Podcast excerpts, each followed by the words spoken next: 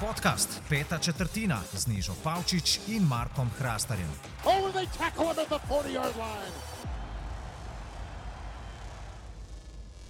Poslušalke in poslušalci, dobrodošli v 19. epizodi že našega podcasta Peta četrtina. Po tednu premora smo spet nazaj, zdaj pa z- že stalni člani, v katerega tudi z Markom štejeva že roka. Fanta, pozdravljena. Živijo, živijo, živijo. Vem, da sta preživela kar napeto noč, sta se že malo odpočila, neki utrujena zgledata. Rok, Ja, zdaj je ratala že tako neka, neka rutina, ampak dejansko, tako, ko so se pripravljala, ko so se pogovarjala o tej tekmi, ko so pač vedela, da so delegirana za prenos Patriots Jets, je bilo tako, no to bo pač ena taka podcast tekma, bo pač sproščeno, itak nas najprej naj jo ne bo noben neki dosti spremljal, pol sta dve taki ekipi, ki je Marko pred tekmo rekel, da je če je bila ta tekma um, hrana, da bi bil plesniv sir. Na koncu, na koncu pač je bilo tako, kar, kar v redu, in polk sem ga opomnil na to, tam sem videl na začetku četrte četrtine, jo je povzdignil golaš. Tako da, ajde, na koncu ni, sploh ni bila tako slaba tekma, Patriotsi si pa še malo podaljšali ta staž nekega morebitnega optimizma, da sezona pa vendarle ni še izgubljena. No. E, Jaz bi rekel, da kar se tiče tekme Patriots Jets, sem isto kot rok pozitivno presenečen. Pa tudi eh, kar se tiče tega, te naspanosti, se, mislim, da je moj organizem v zadnjih petih letih že kar malo prvadil in rado imun na to, da od septembra do januarja prav velik spanca pač ni. No. Tako da je užitek dela tudi nočne tekme, če je kaj tacga, kot je bilo Jets, Patriots. Uh, In uh, še enkrat več se je, po mojem mnenju, potrdil, da ipak uh, New York Jets grejo po prvi pik na draftu, no, ker so imeli tekmo dobljeno in na koncu z določenimi neumnimi zadevami so jo uspeli spet zgubiti. Čeprav vmes med samo tekmo se je zdelo, da, da Bill Beliček je naredil en tak master plan, ko bo dobil naslednje leto od Trevorja Lorenza, ki so res tako zgledali tudi New England v eni fazi tekme katastrofalno, predvsem meni tisti touchdown, ki ga je Perryman dosegel v drugem polčasu, ki je se JC Jackson v bistvu samo usedel na rit. Mi ni bilo jasno, je bilo samo tako, pač, a vi prav za nalašč hočete to tekmo zgubiti, pa si ne vem, izboljšati draft pozicijo, bodi si za Lorenza, bodi si za Filca, ampak pač ne vem, vse skupaj mejilo na komično in pol je bilo samo tako, ok, ok, pač, ajde, vse so še vedno pač dokler bo Beliček tam, ne bojo za nalašč, mislim za nalašč, vse nobena ekipa ne zgublja za nalašč tekem, ampak tako, ne bojo zgubljali tekem na tak način.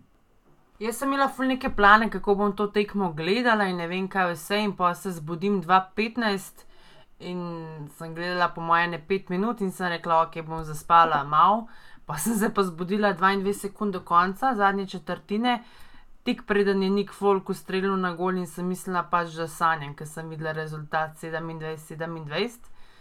In pa glih, da se bom not logirala v Game Pass.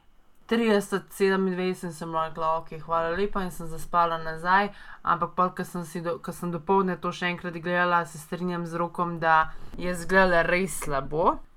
Si je pa pač Kem rešil življenje na, v zadnji četrtini, no, po mojem. Oziroma, rešil si je ta medijski linč, katerega je deležen zadnje čase. Mislim, da se ni ipak rešil karijere zaradi tega, ker, kot jaz vidim, peci so po trening campu, oziroma po tem, ko so Kema podpisali, so ratali ful, ful razočarani nad Jaredom Stidemom, ki mu je baje čist unema morala, effort, mu je čist dol padel. Tako da mislim, nekih realnih pričakovanj, da bi na mest Kema postal Stidem prvi kotrbek, po mojem, zaenkrat še ni pričakovati. Toc? Ja, a zdaj se strinjamo, da pač Patriotsi ne tankirajo. Jaz mislim, da je bilo- peci v življenju ne bodo tankirali, dokler je bil Beliček coach. Se pravi, so še zmeraj prisotne aspiracije za končnico. Absolutno. Mislim, če prav na razpored, ki so mi da potem računala, mislim, zelo, zelo radodarnih 7-9 je tisto bilo. Uh, kar sva, kar sva povedala do konca, in 7-9, ta- tako izenačenem AFC-ju, ker recimo v trenutno, če bi se zdaj končalo po devetem tednu, uh, vse skupaj bi bili kolci zunaj, pa Brownsi, ki so obojni 5-3. Ja, z rokom smo se tudi pogovarjali, da um, poleg vprašanja, ki smo ga dobili od enega navijača, Patriots, uh, kako vidva, kaj do konca sezone, pa so pač povedali teh 7-9, da, da se nam zdi ob razporedu še najbolj realnih. Sva se pa ne vem, mogoče v tem prenosu ali pa mogoče v svojem prejšnjem poigrala malo s tem, koliko zmag bi bilo v konferenci AFC, pa recimo za dost, za to, da pride ekipa v končnico. In če damo teh 7-9 skupaj s tistih 10-6, kot so na drugi strani rekla, da bo za dost. Jaz sem celo rekel, da mogoče niti 10 zmag ne bo za dost za končnico v konferenci AFC, pol je jasno, da pač letos po dolgem, dolgem času Belčiku in njegovim fantom ne bo ratalno. Nežga. A pa mi praviš, da se bo sezona za pece končala 3. januarja? Drugače, res, glede na to, Ja, kakšen. A, a ti ne? Ne, um, glede na to, kakšen razpored imajo, ni, ne bo lahko. Mislim, da imajo do konca še Arizono, torej Baltimore v nedeljo, pa imajo Arizono, pa imajo LA Remse, LA Chargerse, Miami, no, fakt, ker Miami štejemo pod tako tekmo, ker ne veš, če bo šlo zmagu. Pa Buffalo na koncu. Pa Buffalo je Week 16. Ja. A pa dobro, vse pečejce smo vedeli, da vsa, vsako leto vsaj eno tekmo proti Miami izgubijo. Tako da pač ob pogledu na razpored, seveda je ena tekma proti Miami. Predvsem tista v Miami je kandidatka za, za L.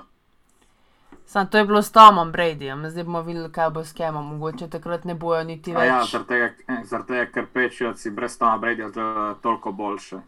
Kaj? Ne, sarkazem. Zdaj, ker smo želeli pri Tomu Bradyju, dajmo se iz eh, Monday Nighta preseliti na Sunday Night. Eh, Kako sta videla, videla tekmo med Saints in Buccaneers? Mislim, sej, meni se je zdelo, da bodo Saints zmagali, ampak da, da bi bil pa tako prepričan v tako rasturačino, to pa me je zelo presenetilo. No. Ko sem prebral svoje petkrat, šestkrat, sam tekel, Baxi, Antonijo Brown je ujel tri žoge za nekih koliko, 35 jardov ali 40 jardov. Kaj je šlo na robe pri Buccaneersih? da je bila na koncu vse skupaj ena katastrofa, rok. Meni se je zdelo tudi pač, um, play calling Ariansa je bil tako, um, da lepo temu rečem, zanimiv, če ne že vprašljiv. Ampak to je bila zdaj prva tekma, ki smo videli, kaj se zgodi, ko imaš ti preveč opcij v napadu. Vse lahko rečeš, da nikoli ni dovolj talenta, ki ga imaš kot ekipa, ampak zdaj se je pa videlo, da bo težava distribuirati uh, žogo vsem tem pač posameznikom, in Evans, in Godwin, ki je prišel nazaj, in Brown, ki je vse samo tri žoge. Meni prva tekma mi je, mi je tako dala še kakšno vprašanje več, ne pa kakšno uh, razrešila, kar se tempe tiče. Predvsem zaradi tega, ker recimo, če smo vedeli, da je ena stvar dobra pri tempi, je to, da znajo ustavljati igro po tleh. Um, pa, da, pa da je secondary, pač ene, kaj, eno tekmo so delala tempe letos proti Chicagu. No, ampak dobro, se nima veze. Uh, ampak ja- jaz sem tako, pač prvi vtis, kar je bil, je, da je secondary od tempe, pač da zgleda, zgleda ok, sicer so mladi, ampak pač da zgledajo ok, polih pa bris po vsem, pač prav. mm, Prav osmešil jih je, pač prav res dobri, stari bris pač Zdaj je še ena uganka za naprej, kakšnega brisa bomo dobivali vsak, vsak teden. Zaradi tega, ker dvomim, da je vrnitev Michaela Thomasa toliko vplivala na vse skupaj, ampak je recimo bris proti Raidersom, ki so delali, je zgledal res pač slab. Se, smo že govorili tudi na podkastu, ja, bris, ne vem, mogoče je to začetek konca. Pol pa pač dobiš tako predstavo in si samo tako, ja, mogoče pa bris celo MVP mislim, tudi tako, recimo, če imaš pr, po tej tekmi, če imaš pri tempi uh, kakšen vprašaj v negativnem smislu, imaš pri sencih še kakšen vprašaj v pozitivnem smislu. No. Jaz mislim, da je končno obramba Saints odigrala tako, kot se od njih pričakuje, pr- poimensko, da je bila to obramba v najboljši različici. Pa opazil sem tudi to, da so Saintsi ogromen, mislim, ogromen. Veliko večkrat na ostalih tekmah v tej sezoni uporabljali tudi Tejsoma Hila. Nasploh je Brice šel na kar ene par tarč, ki prej vse skupaj izgledalo veliko bolj enodimenzionalno. Ne. Rok pravi, da sicer Michael Thomas ni tukaj odgovor na to, kaj je bilo z Brisom, ampak se je vrnil tudi Emanuel Sanders in mislim, da je bil, ne vem, je bil touchdown grab, mislim, da je bil, ne, tisti touchdown, ki se je stegnil Emanuel Sanders za žogo. No? Tako da še vse mislim, da tudi če recimo Drubris vrže pol metra gor, pol, pol metra dol, oziroma da ne zadane direkt roke se pač s takimi dvema lovilcema ali pa tremi, no, ki so zdaj prišli nazaj, vse lažje. Mene bolj, mene bolj to fascinira, da kako je tam pa imela tako slab um, napad po tleh, pet poskusov teko so imeli, pol pa v bistvu tudi po zraku ne pokažejo absolutno nič. Pač to je bilo res katastrofa za gledati. Ob polčasu je bilo 31-0 in mislim, da tista, tisti mim na koncu, ki se pozdravljata Drew Brees, pa Tom Brady, kakšno faco ima Brees, pa kakšno ima Tom, vse pove. Ampak, tako kot me je označil zadnjič rok za, kaj si rekel, da sem Tom Brady? Tom, Tom Brady, apologet. Mm, da sem ne vem kaj, no? nekaj, da sem Tom Brady do groba, absolutno sem res. Če nista vedela ta sladkorček iz Twitter handle Tom Brady Facts, da je bilo to Sunday Night Football, football je bil šele tretjič v 333 startih, kjer je Tom Brady imel nič touchdownov in tri interceptione ali več. For reference, Drew Brees je to naredil osemkrat v 298 štart. Wow, Zamisli, da si toliko obseden s Tomom Bradyjem, da imaš prav Twitter handle Tom Brady Facts. V bistvu imam screenshot, ker sem vedela, da vam bom to povedala, drugače mu ne sledim. Jaz bi raje izpostavil tukaj to zadevo, da se je spet izkazalo, da ima Tom Brady očitno res neke zamere do Nika Fowlsa, glede na to, da se je čist z vsemi lepo pozdravil po koncu tekme, skoraj se da v lupčka z drugim brisom, a Niku Fowlsu ni prišel niti roke dati. Nik Fowls ja, ga še vedno boli. En tak sorry, je sluzer, ampak. Um... Ja, to je tudi meni padlo v oči in si samo tako pač, zak, mislim, zakaj? Ne daš roke, kaj, ker te je premagal v Super Bowlu, pa mislim, ne mi prodaje potem kao neka ozaveščenost, kar se korone tiče, in potem tle priješ in ga skoraj pač izljubiš, ker je pač bris. Ne vem, ne vem kaj je dejansko point blow vsega skupaj. No, jaz nikoli nisem imela, pa ne zaradi tega, ker ga imam pač tako iz osebnih razlogov rada, ampak nisem nikoli imela Toma za tazga, ki bi nek grač držal, če ga na zunaj ni imel proti Rogerju Godelu, mislim, da ga tudi pr proti Niku Folsu ne bi smel imeti. Kaj je bilo takrat, ne vem. Vem, da je en teden prej sicer uh, tale Vic Fangio, glavni trener Denver Broncosov, svoje igralce absolutno podil, ko je po tekmi v garderobo. Je pa res smešen, da tam pa vsakič, ne vem, z Aaronom Rodgersom, pa zdaj z drugim Brisom, pa s kom so igrali prejšnji teden tam pa. V glavnem, zmeri po koncu tekme na uh, slika pač objavijo sliko Bradyja, ki se rokuje z enim quarterbackom, pa napišejo zraven respekt. Tako no, meni bi bilo, če bi bila Nick Falls, bi se mi to tudi malo tako zdelo, aha, respekt, kaj sam, great ones, meni pa ni, nisem tako no, obe strani lahko razumeš, verjeten. Ne strinjate se, fanta, z mano, gremo naprej. Ja, gremo na, na še tretjo nočno tekmo, Thursday Night Football. To je bil pa Green Bay proti San Franciscu. Mislim, da se pa tukaj vsi strinjamo, da bi bilo veliko bolj smotrno, če bi se ta tekma kar predstavila, glede na to, kakšna je bila situacija v San Franciscu. Koliko so meloni, 29 igralcev aktivnih oziroma pripravljenih na borbo. Pač ja, se čestitke Green Bayu za zmago, ampak po domače povedan, izpolne rit je lahko sred. Ja, pač vse tekma je bila res zelo enostranska. San Francisco je 14 pik dosegel v zadnji četrtini, tako da pač je bilo dejansko že 34-3 in je bilo protkojno sprdanje. Ampak uh, San Francisco je kaj dva dni, tri dni pretekmo ostal brez Ajuka, Borna, uh, pa še, še enega receiverja, že tako nimajo nobenega tam za igrati. Uh, polje pa še Trent Williams, mogo biti out, tako da mislim, prav.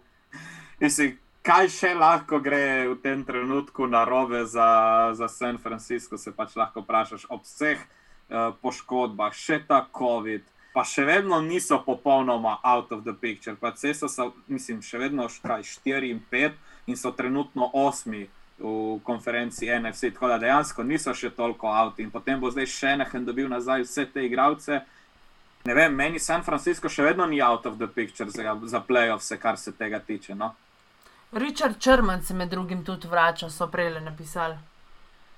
Tako da vsaj nekaj spodbudnega za San Francisco, je pa pač tako, da sploh letos, kar se tiče teh tesnih stikov, pa COVID list, pač tukaj je šlo San Francisco res vse narobe, kar, se, kar lahko gre narobe. Tako da v tem primeru, a so bili oškodovani, ja, so, ampak ne pozabimo, da je bila tudi kakšna druga ekipa preoškodovana. Sej se ve, kdo najbolj, ne pa zdaj sem tle kren sur, surfen, o oh moj bog. Ampak recimo AFC North ima zdaj trenutno probleme z temi tesnimi stiki, pa COVID listami, recimo Marko Hrastar, Baker Mayfield je tam, Ben Rotlisberger je tudi bil tja uvrščen, ampak mislim, da bo Ben če ne bo imel simptomov, bo lahko nedeljo že igral. Da... Ja, kar jaz vem z uh, Clevelandom, je tako, da je že kaj danes je torek, se pravi jutri v sredo, bo Baker Mayfield, če bo imel negativen test, lahko že na trening prišel. Tako da to ni nobena težava. On niti ni testiral pozitivno, ampak je bil samo v stiku z enim izmed uslužbencev v Clevelandu, ki pa je testiral pozitivno in je, in je bila to bolj preventivna, preventivna uh, poteza kluba, da pač ga omeji kot enega izmed ključnih igralcev. Bi pa, ker smo želeli pri Clevelandu omeniti, da se vračajo vsi najboljši. Nazaj pride Nick Chubb, nazaj pride White Taylor, ki smo videli, kako je pomemben člen napadalne linije. Nazaj pride tudi prvi tight end na papirju, Austin Hooper. Uh, Mac Wilson je zdrav kot linebacker, under the radar, v bistvu tudi Džokoja potem na koncu nismo tradili, ker za Davida Džokoja se je pa govoril, da je največji kandidat za odstrel, oziroma za to, da ga pošljemo neki, nekam drugam. Uh, bi se pa zdaj navezal tudi na ta trade, trade deadline. Prejšnji teden nismo posneli podcasta. Kaj je vajno mnenje, zakaj ni bilo nobenih večjih premikov? Uh, meni je bilo to zelo, zelo zanimivo. Jaz sem čakal, malo manj kot F5 stiskal za računalnikom, ali bo kakšna nova informacija, ali bo report kaj novega tvitnil, ali bo mogoče šefti se oglasil. To je bila ena velika suša. No. Po mojem, je bilo tudi tukaj neko prisotno dejstvo, da če se ni trade zgodil do nekega določenega deadlina, uh, tisti igralec ni bil potem na, na voljo tisti teden.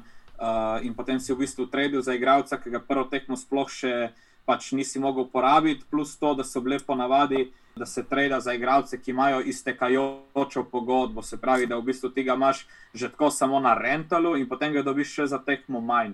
Tako da, po mojem, je bilo tudi tle nekako prisotno, ampak ne vem, očitno se je iskalo, se je bodi se iskalo preveč, tako kot se vedno, ali pa pač ne vem prisotno še kakšno drugo tveganje, za katerega mi ne vemo. Meni je bilo predvsem zanimivo dogajanje okoli teka McKinleya, ki, bil, ki bi lahko bil že lani traden, pa so pri Atlanti zavrnili second rounderja, pol so pa letos uh, imeli na voljo kaj četrtega oziroma petega, pa so pač isto zavrnili, ker so želeli spet drugega. In na koncu, ker je bil tek malo preveč gobčen in to vse naznanil na Twitterju, so se mi pač zahvalili za sodelovanje, pa ga katali. Ja, pa tudi glede na to, da ekipe ne vejo, kako bo naslednje leto, kar se tiče Cap Space, mislim, da zaradi tega tudi noben noče tvegati s temi tradi, ker se bo zaradi paca dobička cele lige in moštev verjeten Cap Space znižal in tudi zaradi tega se mi zdi, da niso se hoteli spustiti v neke pogodbe bajne z temi. Igralci, ki v bistvu se jim pogodbe izteka, pa še vedno dosti veliko denarja dobijo vem, da so bili Green Bay, zelo, Green Bay Packers zelo upeti v te pogovore, sploh kar se tiče lovilcev, pa so na koncu, mislim, da Houston je zahteval preveč za Rendala Koba, ne se je omenjal, ne za Rendala Koba, Will Fuller. Will Fuller ja. Rendal Kob je že igral v Packersih. Tako da je minil pač brez tega buma, kot smo ga, ne vem, lani ali pa mislim, da štiri leta nazaj videli. Glavni razlog je pa še vedno to, da mora igralec, mislim, da pet dni pred začetkom igranja za novo ekipo imeti negativen test. In enostavno, če, ti, če ti tradaš v torek, je že malo, no, mislim, je prepozno za v nedeljo, ne? ker zdravniški pregled je ponovadi pol v sredo. Recimo, če to hiter preleti, sreda, četrtek, petek, sobota, nedelja, se ne izide in avtomatsko, potem ja, en, eno tekmo manj plus samo še sedem uredni, pač v urednem delu sezone, glede na to, da smo že zdaj pa skoraj že pri vseh ekipah čez polovico sezone. Tako da jaz upam, da bo zaradi tega free agency veliko bolj napet, recimo marca. Dallas proti Pittsburghu, tukaj se enostavno moramo ustaviti. Dallas je skoraj celo tekmo vodil, potem pa na koncu uspel zakockati.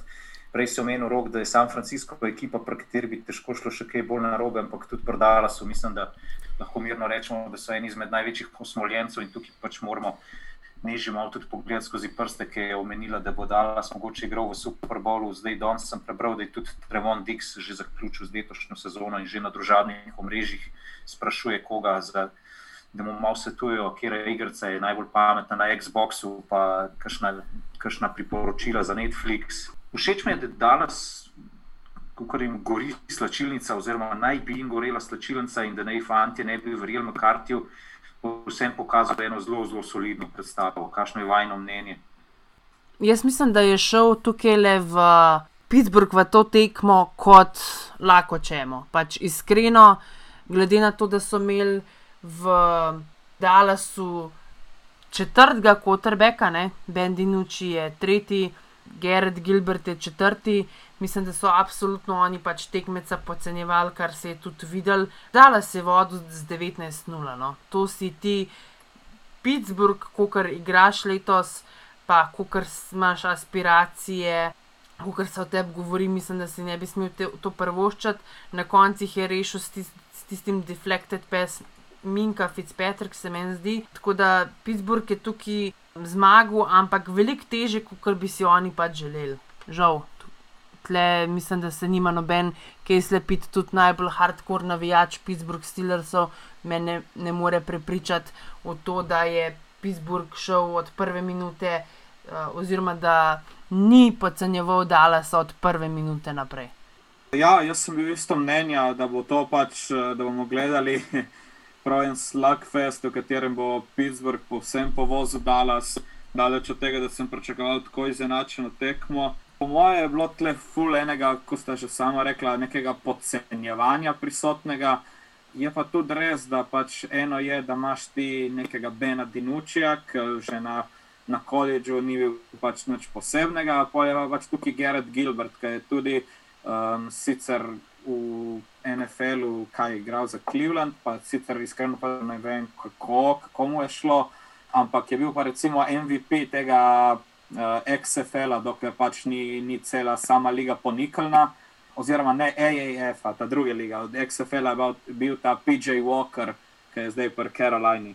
No, ampak nasplošno se mi zdi, da je ameriški nogomet in sama slačilnica ekipe toliko nek, nek specifičen kozmos, ki se potem lahko združiš v smislu, da izgubili smo ne enega, ne dva, izgubili smo tri quarterbacke. Uh, tako kot je lepo pač v tistem hadlu pred tekmo od Jetsov povedal en, en ne vem, third stringer, oni pač, ker res je niko in ništa. In je pač tako lepo rekel, kao prime time tekma je cela država nas bo gledala, tvoja sestra te bo gledala, tvoja punca te bo gledala, tvoj brat te bo gledal, tvoja mama te bo gledala, tvoj tata te bo gledal, cela družina te bo gledala. Kao, dejte pokazati, da pač nismo mi lahko čemo, da, pač, da, bojo, da nas bojo povozili.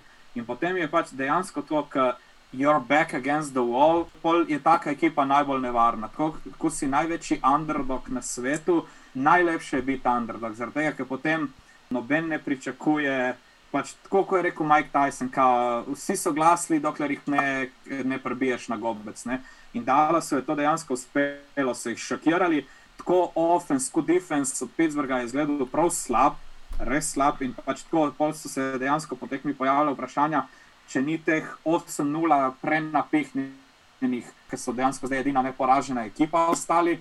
In se mi zdi, da mogoče pa ne bom, ne bom jih postavil v kategorijo Chicago, kar se pri tenderju tiče, ampak so se pojavljala tudi meni tako malo vprašanja, kar se resničnosti oziroma kvalitete Pittsburgha oziroma njihove kandidature za number one spot v AFC-u, kar se tega tiče. Tako da vsaka čas Dallasu, res kapo dol za predstavo, pač na koncu so premagali sami sebe, ampak Pittsburgh, Pittsburgh pa mogoče le ni tako dober, kot smo vsi mislili, da je. Kaj govoriš o Pittsburghu? Pač v letošnji sezoni še srečati s Kansas Cityjem, mora se srečati s kakšnim Green Bayom, mora se srečati s kakšnim Seattlom. Jaz tudi ne bom rekel, da je od Pittsburgha skoraj prenapihnjen, ker vsakem čas premagali so tudi Baltimore, pri njih doma. Ampak uh, najtežje stvari v tej sezoni so pa definitivno še pred njimi, pa tudi Big Ben, amačkar načeta kolena. Zdaj, vse, kar sem uspel prebrati, bo vse igral, če bo pač cleared za ta protokol COVID-a. Ampak uh, imajo tudi oni kakšne slabosti. Kaj si hotel reči, Niža? Da, točno to, da so v bistvu rec, v osmih tekmah so recimo, da igrali proti trem resnim ekipam. Igrali so proti Clevelandu, recimo, ne? resne ekipe zdaj naštevam. Resne ekipe so une ekipe, ki imajo pozitiven skor. Tako. Cleveland, Titans, pa Ravens. Ne? Pa so imeli pa Cowboys, Eagles, Texans, Broncos, pa Giants. S tem, da proti Titansom bi lahko bil komod podaljšek, če bi pač Gostkowski zadev field Tako. goal, proti Ravensom So pa ustavili tudi imeli četrti, ja. Baltimore zadnji drive za zmago. Da vse je tam, tam. malo še tudi sreče. Jebi ga, kdaj se ti mora tudi malo poklopiti, kakšna stvar. Ne vem, no, jaz še vedno mislim, kot ste rekla, pač, da jih čaka ta prvi resen test že v končnici, ki ti bo prišel, ne vem, um, v Divisional bo prišel nek nahajpan, ne vem, sed, ne, sedmi, nek nahajpan nižji sit. In recimo, da se tekma lomi tako, kot se je lomila zdaj v Dallasu, ena podaja ti, ne, mislim, en interception ali pa en deflected pass, in pač si ti na drugi strani. Tako da, tako kot si rekel, Marko, zdaj kaj je s tem kolenom od Bena, jaz mislim, da ga bojo zakrpali, da bo to odigral. Mislim pa, da ta, ta teden igra proti Cincinnatiju, ali Jacksonville, proti eni taki. Mislim, da proti Cincinnatiju. Proti Cincinnatiju, ja. Pa imajo pa še Jacksonville, pa imajo Baltimore, spet Washington, ajde Buffalo, spet Cincinnati, Indianapolis, pa Cleveland. Ej, dajte mi povedati, Tua Tagovailoa, pa Miami. Eno vprašanje za vaju. Fenomen Tua Tagovailoa, fant je začel dve tekmi, obakrat je zmagal. Ali vidita Miami Dolphins se letos bližji top 10 piku na naboru 2021, ali se vam bolj zdi, da bojo štartali že letos na končnico? Imeli bojo top pik v top 10 zara, že zaradi tega, ker ovnajo od Houstona, od- ovnajo od Houstona pik. Sami pa mislim, da so trenutno v playoff picture, a ne? če se jaz ne motim, kje je Ja. dost. So, Ja, ja, trenutno so playoff ekipa. Vem, se mene zanima na koncu, kaj mislite, da bo. Morala bi pogledati malo njihov urnik. Oni meni dejansko izgledajo dosta ležit ekipa, ki bi se lahko prošunjala v, v playoff. Ne? Ti povem, proti kom vse zdaj igrajo. Naslednje štiri tekme so LA Chargers, Denver Broncos, New York Jets, pa Cincy Bengals. Se pravi, 3-1. Rec, recimo, no, recimo. Zdaj pa- Lahko zdaj je pa, tudi če grejo- 4:0. Če grejo 3-1, a ne, potem je pa to 8-4. a ne. In za 8-4 imaš pa že zelo lepe izglede, še posebej v letošnji sezoni, ki gre 7 iz vsake konference. Sam na glas razmišljam. No. No, pa imajo pa še Kansas, New England, Las Vegas, pa Buffalo. Ja, pol pa recimo to še 2-2. Ja, 10-6, evo. Zdaj pa vprašanje, ali bo 10-6 zadostne. Jaz mislim, da bo kar dosti ekip imel 10-6.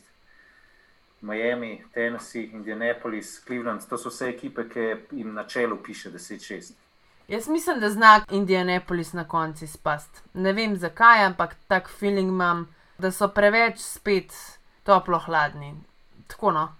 Nimi, niso me še vedno prepričali. Ne, meni se pa zdi, da Indianapolis tukaj, da bo, če že, da bo lih Miami prvi spadal.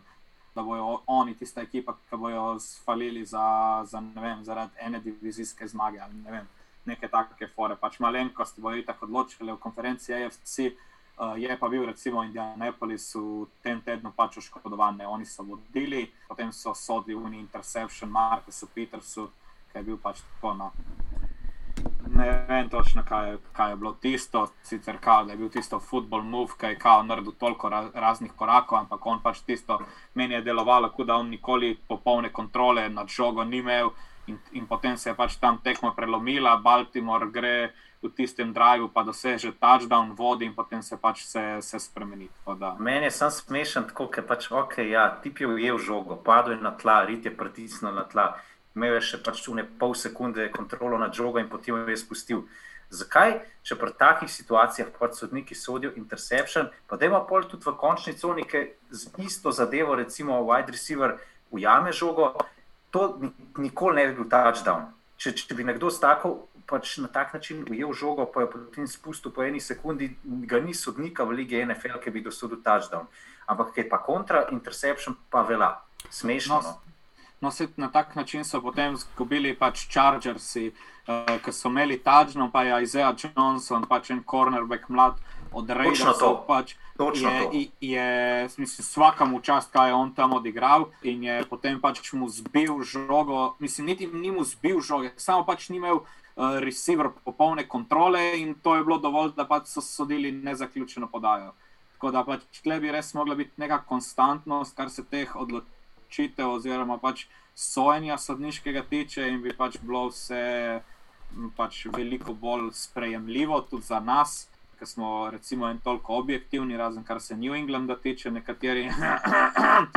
Tako da pač. Roki. Ne, pa da gremo, gremo malo tako, tudi v širšo, v širšo sliko pogledati L.A. Chargers. Mislim, kaj je to? Oni imajo sedem porazov, koliko, in vsi so za en touchdown ali manj. Mislim, to, to, je pa, to je pa zdaj res očitno, da je strokovni štab krivc za to. Pač oni kot da vsak teden najdejo nov način, na katerega lahko zgubijo. Pač prav tako fascinantno je, ker se zbudiš kot Charger fan v nedeljo, samo tako, no pa da vidimo, na kakšen način bo moja ekipa tokrat razočarala. Ne vem, bomo izgubili v podaljšku, bomo vem, v zadnji sekundi pustili touchdown kot proti Denverju, ne vem, kaj se bo zgodilo. In pač zdaj se je zgodilo to, da so v zadnji sekundi jim je že bil svoj touchdown, in potem so pač izgubili 32-31. Kaj je bilo že konc tekme? Sem ena ekipa, ki mi je najbolj odvratna, ki jo najbolj sovražim v lige NFL, bi se mi smilila, če bi na tak način izgubljala. A kamoli pol Chargersi, ki so mi še dejansko zelo simpatična ekipa. Mislim, na mestu, da bi bili 7-2, so 2-7, noro. Meni so tudi Chargers simpatični, sploh zaradi takih lepih podaj, ki jih Justin Herbert zadnje čase meče, ampak oni prav dejansko iščejo načine, kako tekmo zgubiti. Recimo Denver je bil dobra, dober primer prejšnji teden. To je po, ja, po mojem mnenju. Drugač, s svojimi številkami je on na poti, da ima najboljšo ruki sezono od vseh kotrbekov v zgodovini lige NFL, ampak ima pač fant to nesrečo, da igra na napačni ekipi. Ne? Mislim, napačni ekipi. Igra v ekipi, ki ne znajo. Zma oni dejansko niso sposobni zmagati tekme. Če smo se delali norce iz Atlante, Zakaj se ne delamo norca še iz Chargersov, mislim, norca? Oni so bolj taki, tragikomični. Ne? Iz Atlante smo se pa vsi delali norca od Super Bowla 51 naprej, kako čovkajo. Zdaj, Chargers imajo tudi že full dog niz takih tekem, mislim, da tri sezone že, kako zgubljajo tekme, torej odkar je Anthony Lynn na klopi. Nimajo slabe ekipe, ampak dobesedno zmagati ne, zna, ne znajo, zmag, ne znajo dobljene tekme pripeljati do konca. Tako. Ej, zdaj, glede na to, da smo na polovici sezone, da imamo mogoče kakšne nagrade podeliti, naše subjektivne ocene, kdo je najboljši na kakšnem položaju, pa mogoče tudi kaj glede Rukijev, kdo je najbolj navdušil. MVP, mislim, da se vseeno vsi strinjamo, kljub temu, da je imel bolj slabo tekmo, še zmeraj Russell Wilson. Ne? Ja, po mojem, tle ni nekega, uh, neke dileme. po mojem, je Russell Wilson, kljub temu, kako pač slabo je zgledal sam. Pa tudi kljub temu, da je pač dejansko zgubil štiri žoge, imel še vedno neko uredi statistiko, sicer Seattle sam se je lahko. Ne toliko zahvalil Wilsonu, ampak spet se je malo pokazalo, kako vprašljiva je lahko njihova napadalna linija, predvsem pa kako slaba je bila pač obramba. Jamal Adams je zgledal prav izgubljen na igrišču, in pa so se začeli, mislim, spet že mediji spraševati, oziroma zlobni jeziki, če niso pač preplačali zgolj enega uh, odličnega blicerja, ki pač je v coverageu povsem izgubljen. In res pač je, je par posnetkov, kako mi se zdi, da je bil Dix. Tisti ta glavni krivc, kako je pač ga obračal, Edemsa, pa mu ni mogel človek slediti.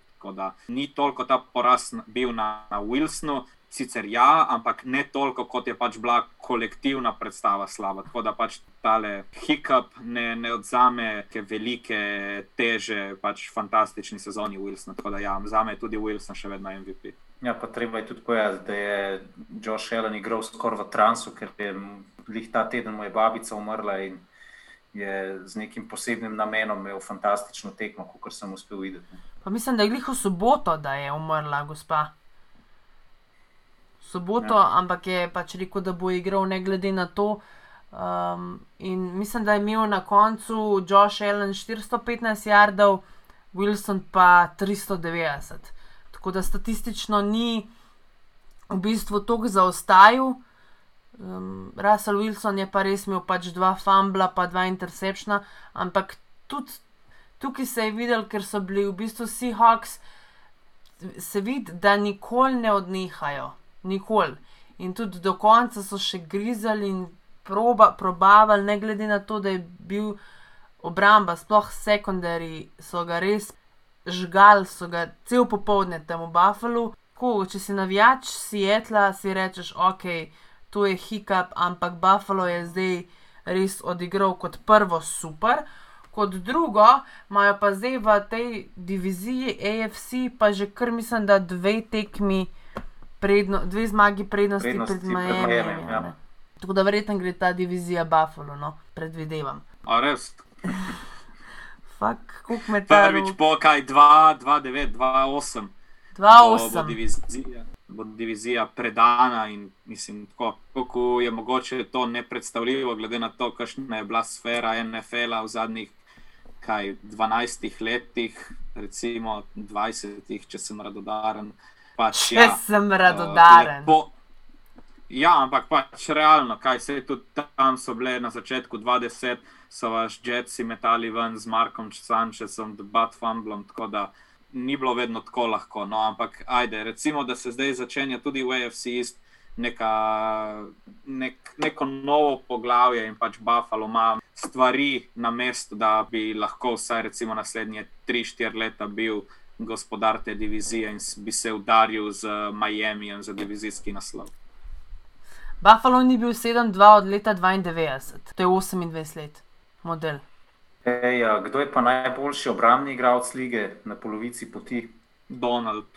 Meni men je tudi Donald. Ja. Jaz sem razmišljal, da bi rekel Donald ali Miles Garrett, ampak ima Donald na ostalih kazalcih, pač posehih sta poravnana, ne, ampak ima pa Donald, vse mislim, da ima več teh pritiskov na kotrbeke, pa da ga itak double tima skozi, pa, pa celo tri igralce dajo na njega, tako da spet je on ta glavni.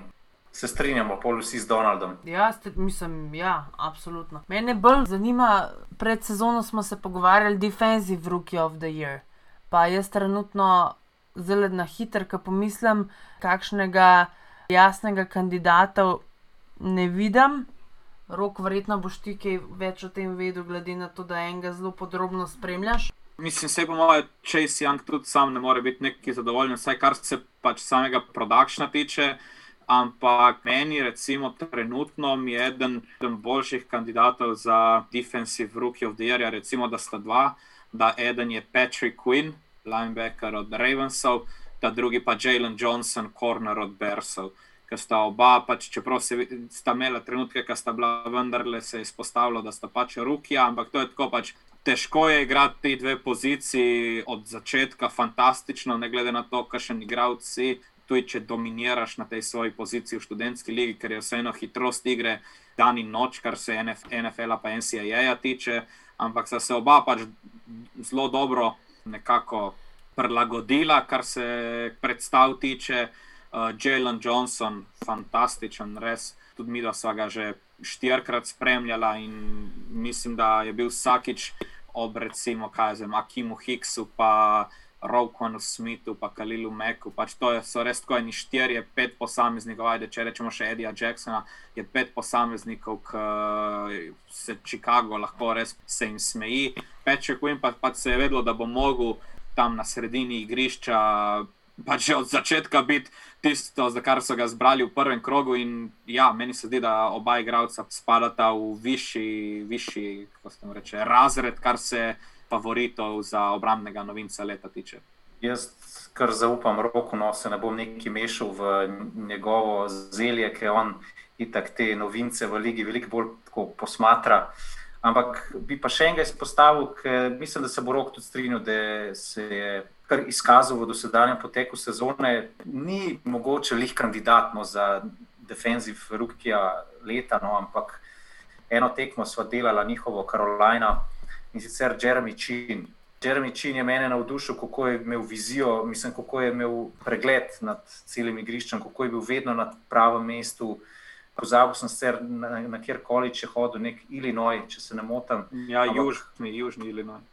No, ja, evo, mislim, da ima tako že skoraj 70 teklov, en interception, ser samo, kar je za njegovo pozicijo mal, ne, če bi hotel zdaj loviti to, ta status najboljšega novinca v ligi obrambnega, potem bi moral malo več tudi na teh številkah pokazati, recimo tudi nobenega seka nima, ker verjetno tudi ni bil tako v blic vključen, ampak na tisti tekmi, ki so jo delali, me pa kar navdušeno no, in se mi zdi, da je bodočnost Karolajne, no, ki gre pač v neko novo smer. Na splošno me je Karolajna letos navdušila, zdaj so tudi uh, McCaffrey nazaj dobili, pa bili celo v igri za zmago ali vsaj podaljšek proti Kansas City, vse na koncu ustrelili z 67 jardov na gol, ampak do zadnjega trenutka so bili blizu aktualnim prvakom.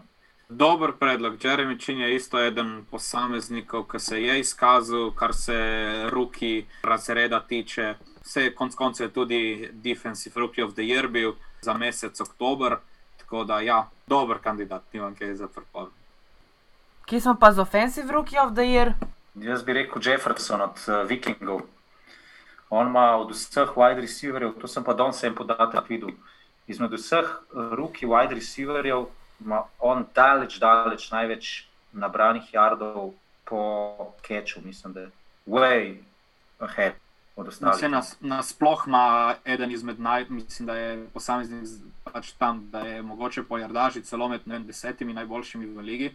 Oziroma, vsaj sem videl, kaj pred tem tednom ali pred dvema tednoma je bil. Tako da ne, Jefferson pa ga tudi na draftu postavlja kot igralca, ki bi lahko bil produktiven že od samega začetka je imel tisto fantastično sezono z Brvom, ki se mi zdi, da je imel 21 touchdownov v svoji zadnji sezoni na LSU. Tako da se je pač vedlo, da bo kot slot receiver, ki je v sploh temu kazensu, no, evo, uh, full všečen, konc koncev je bil to Jameson Crowder, ki ga je verjetno tudi kazens pomagal malo izstreliti v orbito. Tako da ja, slot receiveri so. Uh, Kazni so pri srcu in Jefferson se je fantastično adaptiral, uh, na življenje v Ligi NFL. Jaz pa še vedno mislim, da konc koncu je to vendarle quarterback liga in da bo eden izmed dvojca Brrrr, Herbert na koncu dobil to nagrado. Tako kot je bilo lani, ker sem pač jaz sam bil mnenja, da bi nagrado lahko dobil Josh Jacobs, pa je na koncu dobil pač Kyler Murray. Tako da vseeno imajo tudi zaradi same percepcije, kako celotna igra poteka, vendar le se quarterback edini ob vsakem snepu dotakne žoge, tudi če jo samo pač poda oziroma preda tekaču, se mi zdi, da bo vseeno tukaj pač eden od podajalcev in sam bi v tem trenutku dal prednost Brvu pred Herbertom. Ja, se verjetno bo dejansko obveljala tak rok izpostavil, ker Justin Jefferson ima trenutno 627 jardov po 34 kečov, pa samo tri. Mislim, v navednicah samo tri touchdowne, njegova poprečna jardaža na keč je 18 jardov. In zdaj, če bi šel do konca v takem ritmu, bi nabral tam, kaj 1300 jardov po zraku, kar bo pa za status Rukija leta v napadu enostavno premalo. Jaz mislim, da bi moral se približati, ne vem, vsaj tam 1600-1700 yardov, pa še nekaj touchdownov. Jaz bi mogel imeti kot lovilc neko tako outstanding sezono, da bi prav rekel, tako wow, tega pa res nismo videli že en cajt na tem. Na tem položaju, ampak mislim, da so mediji enostavno preveč vzljubili tako Burrowa kot Herberta, in potem, ko se enkrat priljubiš medijem, te bojo tudi v takih situacijah, po moje, pomagali malo zgurati, predvsem zaradi tega, da je feel good story, ta mlad podajalec, ki so se znašli v situaciji kot je Chargers, kot je Bengals, pa še vedno držijo svoje ekipe v vsaki tekmi in dajo priložnost, da zmagajo. In potem pač Jefferson je pa samo en izmed, ne vem, enih, pač par lovilcev. Po mojem, bo vse na tle, če res ne bo šlo za neko presenečenje, bo pač potem brl oziroma Herbert, ampak jaz mislim, da bo Burrow ruki v tir. Vse tukaj bi verjetno v tej debati bil prisoten tudi tuga, tuga Tagovajlo, ampak je enostavno prepozno začel igrati. On bi moral tam že v tretjem, najkasneje četrtem tednu biti starter za Miami, pa seveda večino tekem do konca sezone zmagati, da bi si pol proslužil ta naziv. Tako pa ja, se strinjam. To je v bistvu mrtvi tek med Herbertom in Burrowom. Mogoče bo na koncu celo od tega odvisen, ali bodo Chargersi ali Bengalsi imeli boljši skor. Ker po številkah sta verjetno tam temne. Po cifrah ja, ampak se, to smo že, se že zadnjič pogovarjali, ker nas je bolj navdušil in je tako na vides, a ne bi človek rekel takoj Herbert, ker tudi te touchdowne pa podaje, ki jih meče, izgledajo zelo lepo. Je pa res, da ima brv, po drugi strani to smo pač se pravi, že zanč omenili, manj v napadu. In jaz še vse mislim, da bo tukaj brl zmagu, da bo Cincinnati imel na koncu boljši skupiček kot kar Chargersi, glede na videno, no? sploh v končnicah tekem. Nisem šla pa zdaj gledati od obeh ekip posebej schedula do konca. Kaj nam je še kaj ostalo? Uh, sam še neki, glede na to, kako Dalvin Cook zadnje čase igra, mislim, da moramo še povedati offensive player of the year. Ja, to bo spet situacija, tako kot je bilo tisto leto, ki je bil potem Brady MVP, pa Gurley offensive player of the year. Enostavno je igra running backa odvisna od predstave vsak teden napadalne linije po mojem, bo, če bo prišlo, oziroma če bo vsa stvar šla s takim tempom naprej, je po mojem scenarij verjetno zelo podoben. Cook je offensive player of the year, potem je pa pač eden od podajalcev MVP. Ok, ja, jaz se strinjam. No. Itak je pač, kot smo rekli, tukaj, to je quarterback driven league in absolutno se vedno gleda na to, da bo quarterback MVP.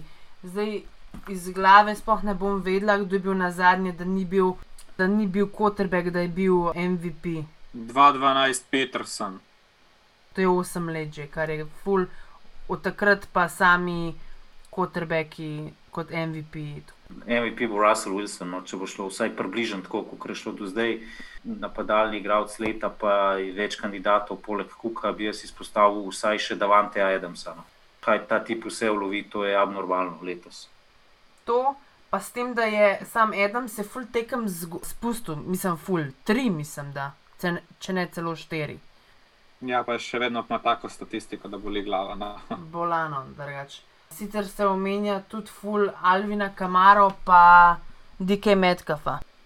Meni se vseeno zdi, da recimo Metcalf pa Loket se bosta eden drugega izničila v, tem, v tej bitki, če, če pač sploh bitka obstaja. No. Ampak recimo, pač zdaj sem tle pogledal 2012, kaj je Peterson dobil nagrado MVP-ja. Govorimo o cifrah 2097 jardov po tleh, pa 12 touchdownov.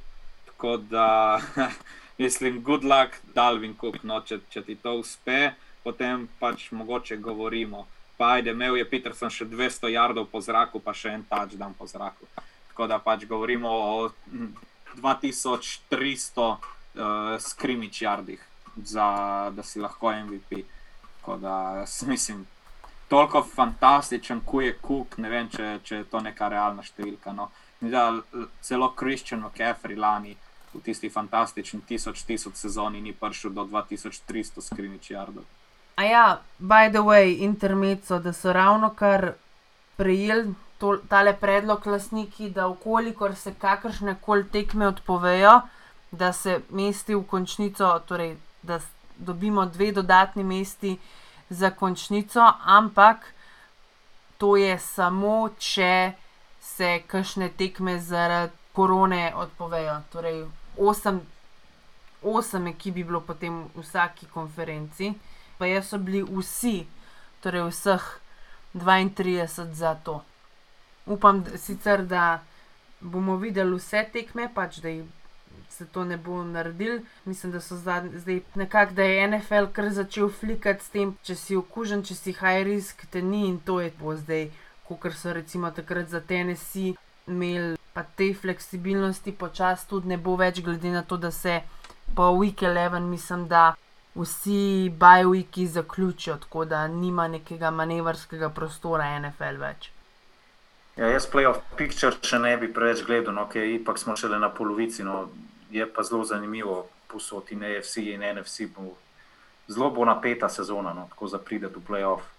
Ja, sploh jaz mislim, da bo, v, kar se tiče celega playoff picturja, v NFC fulbol, um, fulbol tako na nož, zaradi tega, ker jih mislim, da loč Sence pa sedmo ekipo loči v bistvu en poraz. Torej, sedem ekip je znotraj ene tekme zapakiranih. To je, min, pač to je minimalna razlika. No? Zdaj, jaz zaenkrat še ne morem postrežiti s planom, kaj bova z rokom ta teden delala, pa kje tekme prenašamo. Edina stvar, ki je jasna, je to, da bova imela Thursday night zelo dobra tekma. Indianapolis, Tennessee, kar v bistvu za prvo mesto v AFC South. Uh, jaz bi dal mačkano prednost tukaj Indianapolisu. Mačkan sem bil razočaran nad Tennesseeom na tekmi proti Chicagu. Pokazal se je spet tisto, kar sem že ne tri tedne nazaj rekel, da Derika Henrija se sicer ne da jih ustaviti, ga da pa umejiti. ne. In Zdaj imel je nekih 70-80 jardov, definitivno pa napad se ni vrtel okoli njega. No. Ne, jaz bi isto dal prednost Dianapolisu, predvsem zaradi tega, ker, kot je Marko rekel, jaz sem bil isto razočaran, mm, mislim, razočaran. En toliko nad Tennesseejem, predvsem zaradi tega, ker je Henry večino svoje jardaže naredil že potem, ker so si lahko pri Tennesseeju prvoščili mu dati, ne vem, tisto 18, 19 žogo, ki je bila cela obramba že pač zmatrana od Chicaga, kot da Henry ni deloval neki tako razigrano. Pri kolcih pa, če se prav spomnim, so ena boljša obramba, kar se tiče igre proti teku, mislim, po, igre po tleh, se pravi, da dobro zastavljajo tek. Če ti vzameš Henryja proč, oziroma pač running game pri Tennesseeju, bo Tenehill mogel metati in saj za zdaj ne zgleda podoben tisti svoji skoraj da MVP sezoni 2019. No. Okay. zanimiva zadeva, ki sem jo opazil za v nedeljo, je to, da je v bistvu samo pet tekem planiranih za ob sedmih zvečer, imaš pa kar ena, dva, tri, štiri, pet, šest tekem v drugem terminu. Tri so ob 22.05, tri so pa ob 22.25. Ja, vidim, ja, to je v bistvu veliko zaradi tega, ker igrajo, ker igra veliko velik ekip, ki so po ist, zahoda. ist time, torej Pacific time pa ist time igrajo med sabo. Tako, ali tako, če se pa igra na Pacific time ali pa recimo v Arizoni, je pa tekma tako ali tako vedno ob, če ni v prime timeu, je ob desetih, mislim ob desetih ponaš. Tako da po mojem zaradi tega. Ker ta teden so bile pa recimo sam tri, ne, v tem late window. Jaz mislim, da nekih takih eh, tekem za dol pasta ob sedmih sploh ni. Jaz bi recimo, če bi se mene vprašali, bi prenašali Panthers, Buccaneers, pa mogoče, ne vem, Browns, Browns, Texans. Texans. Ja. Pol Pol imaš pa- pa Arizona, Buffalo, No, pa Rams, Seahawks, Seahawks. ja, pa Saints, 49ers. Sunday night Patriots, Ravens, vemo, kdo je favorit, pa Monday night Bears, Vikings. To smo se pa z rokom že včeraj strinjali, da so Vikingi favoriti, ne glede na to, da, so, da imajo obrnen skor diametralno. Ja, imajo, niso Vikingsi 3 pa 5, Ja, so ja. Koliko so pa Bears? 5, 5 4. 4. A ja, aha. Za svoje berse ne veš, koliko so, mislim, Marko. Jaz sem vesel, mislim, tako rekel, nikoli nisem vesel, mislim, da vidim eno ekipo, ki je slaba. Sem pa vesel, da se je končno vendarle vsem razjasnilo in kot zadnjemu tudi Marku Hrasterju, da Chicago pa vendarle ni nekdo, na katerega je treba resno računati, kar se ne same lige NFL, ampak recimo, da začnemo sploh končni, s končnico v konferenci NFC, tiče, da pač da ne gre računati na njih. Kaj je to? to? To je to. gremo Še v kotiček bo- bolj napovedi. A ga bomo enkrat spustili? Ja. Sej, v, Lahko. bistvu, v bistvu, če dobro pomislim, niti nimam nobene teme za ta kotiček. tako Da, Okay. uh, naj, naj, naj si bo to da, vse za danes. Naj bo to dovolj.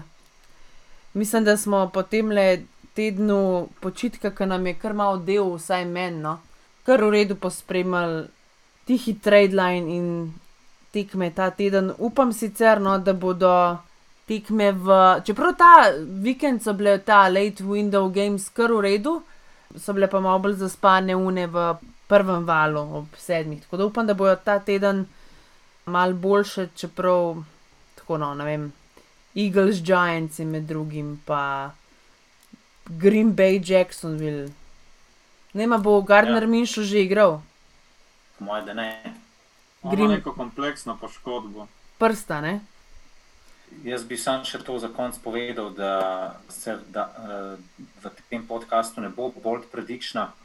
Upam pa, da se moj bold prediction ne bo uresničil, ker rekel sem pa, da se bo tam nekje med 9 in 10 tednom vse skupaj ustavil zaradi COVID-a. No. Ampak zaenkrat nam dobro kaže.